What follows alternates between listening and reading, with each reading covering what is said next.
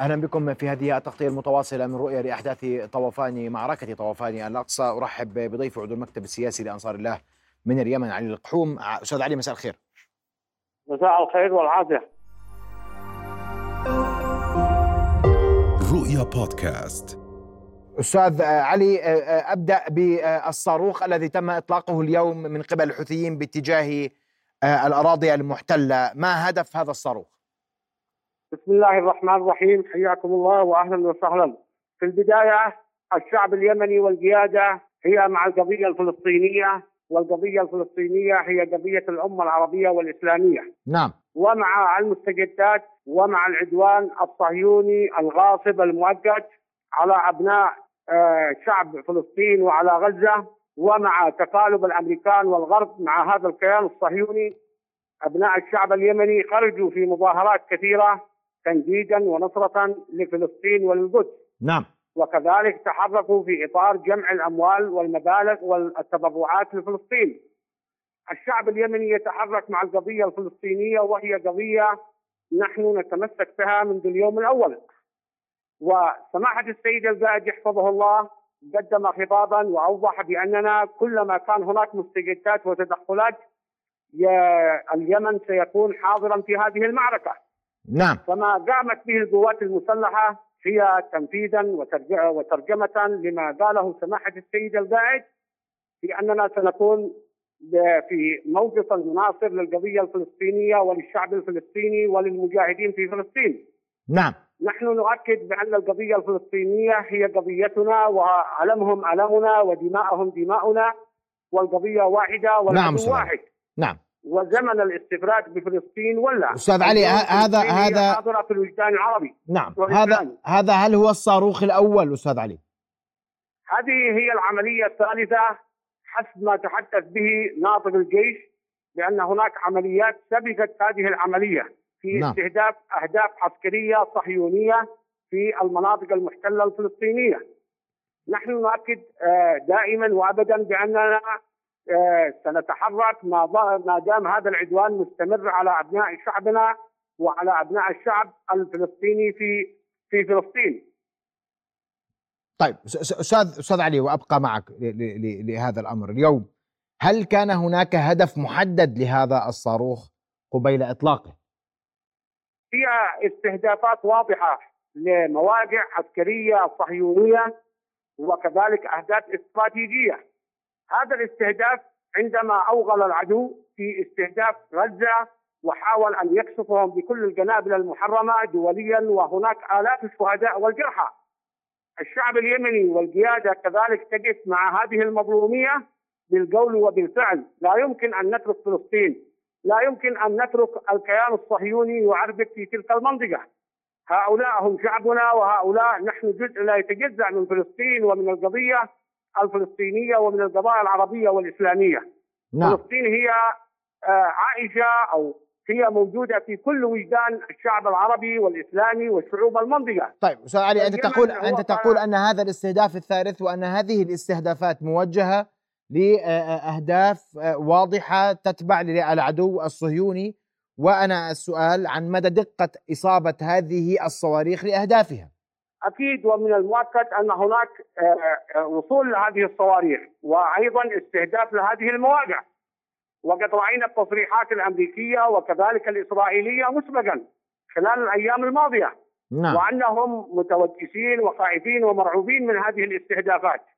اليمن اليوم أصبح لديه قوة عسكرية تتعاظم كل يوم، هناك قدرات عسكرية في اليمن هي ستكون مع فلسطين بالدرجة الأولى. وعلى الأمريكي أن يفهم أن زمن الغطرسة والاستكبار وظلم الشعوب وعمل استهدافها واستعمارها ونهب ثرواتها هذا الزمن ولا. اليمن هي حاضرة في قلب المعادلة. لا يمكن أن نترك فلسطين لوحدها. نحن معهم في هل هذا يعني ان هل هل هذا يعني أن اليمن دخلت المعركة بأكملها اليوم؟ وهل تتوقعون ردا من الاحتلال على هذه الهجمات؟ نحن أيضا علينا عدوان مستمر منذ ثمان سنوات. هذا العدوان لم يتوقف مطلقا. أستاذ علي أنا أسأل أنا أسأل اليوم هل شارك فيه الأمريكان. سيدي أرجوك أنا اليوم أتحدث عن الاستهداف المباشر مناطق الاحتلال ولقوات الاحتلال. هل تتوقعون ردا للاحتلال على هذه الهجمات الصاروخية؟ نحن لا يهمنا اي أي حديث من من الكيان الصهيوني. نحن دخلنا في هذه المعادلة وقد حسبنا كل الحسابات. هذا الكيان الصهيوني الغاصب لابد أن يزول من هذه الجغرافيا ومن هذه المنطقة. هذا الكيان الذي هو آه، غدة سرطانية زرعة في جسد الأمة لابد أن يستأصل. فنحن نقول حتما وحتمية الانتصار هي دائمة. وفلسطين هي عنوان الصمود وعنوان العروبة والإسلام. نعم. فنحن لن نترك فلسطين وسنستمر في استهداف هذا العدو المتغطرس هذا المستعمر المتجبر الذي تدعمه دول الغرب وكذلك أمريكا. لا يمكن أن نتفرج على الدماء وهي تسيل في كل منطقة في فلسطين. نحن حاضرون حاضرون بالقول وبالفعل ومستعدون للتضحيه مع قضية فلسطين. الشعب اليمني هو حاضر في هذه المعادلة وقد صوت سماحة السيد القائد.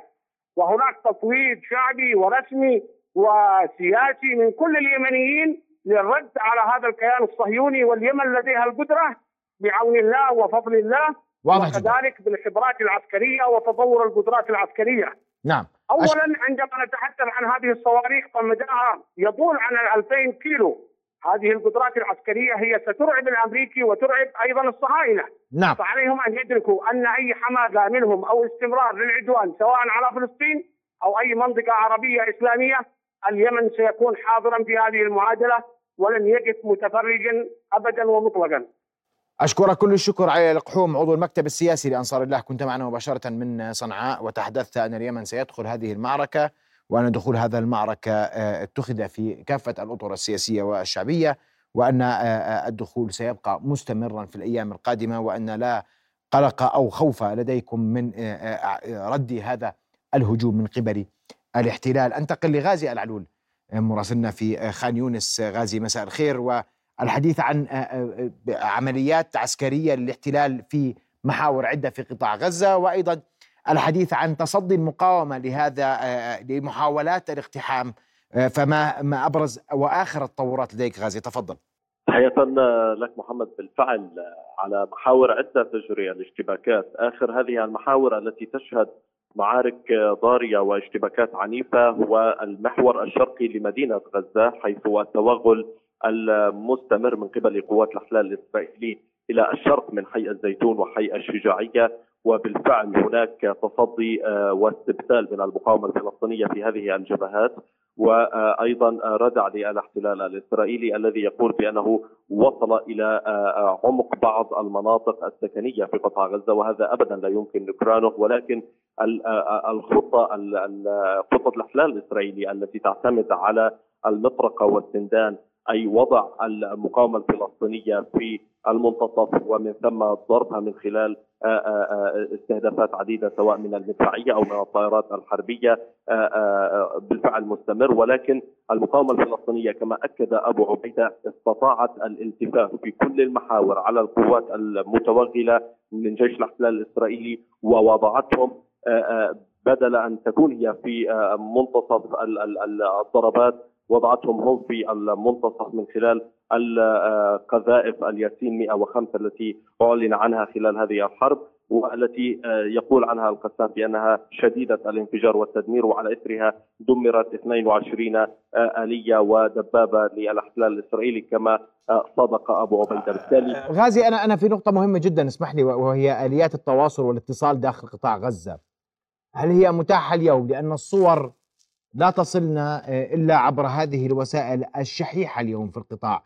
لأنك عندما تتحدث عن عمليات شرق قطاع غزة هل تصل المعلومات اولا بأول حول ما يدور هناك من أحداث في شرق قطاع غزة؟ تفضل غازي.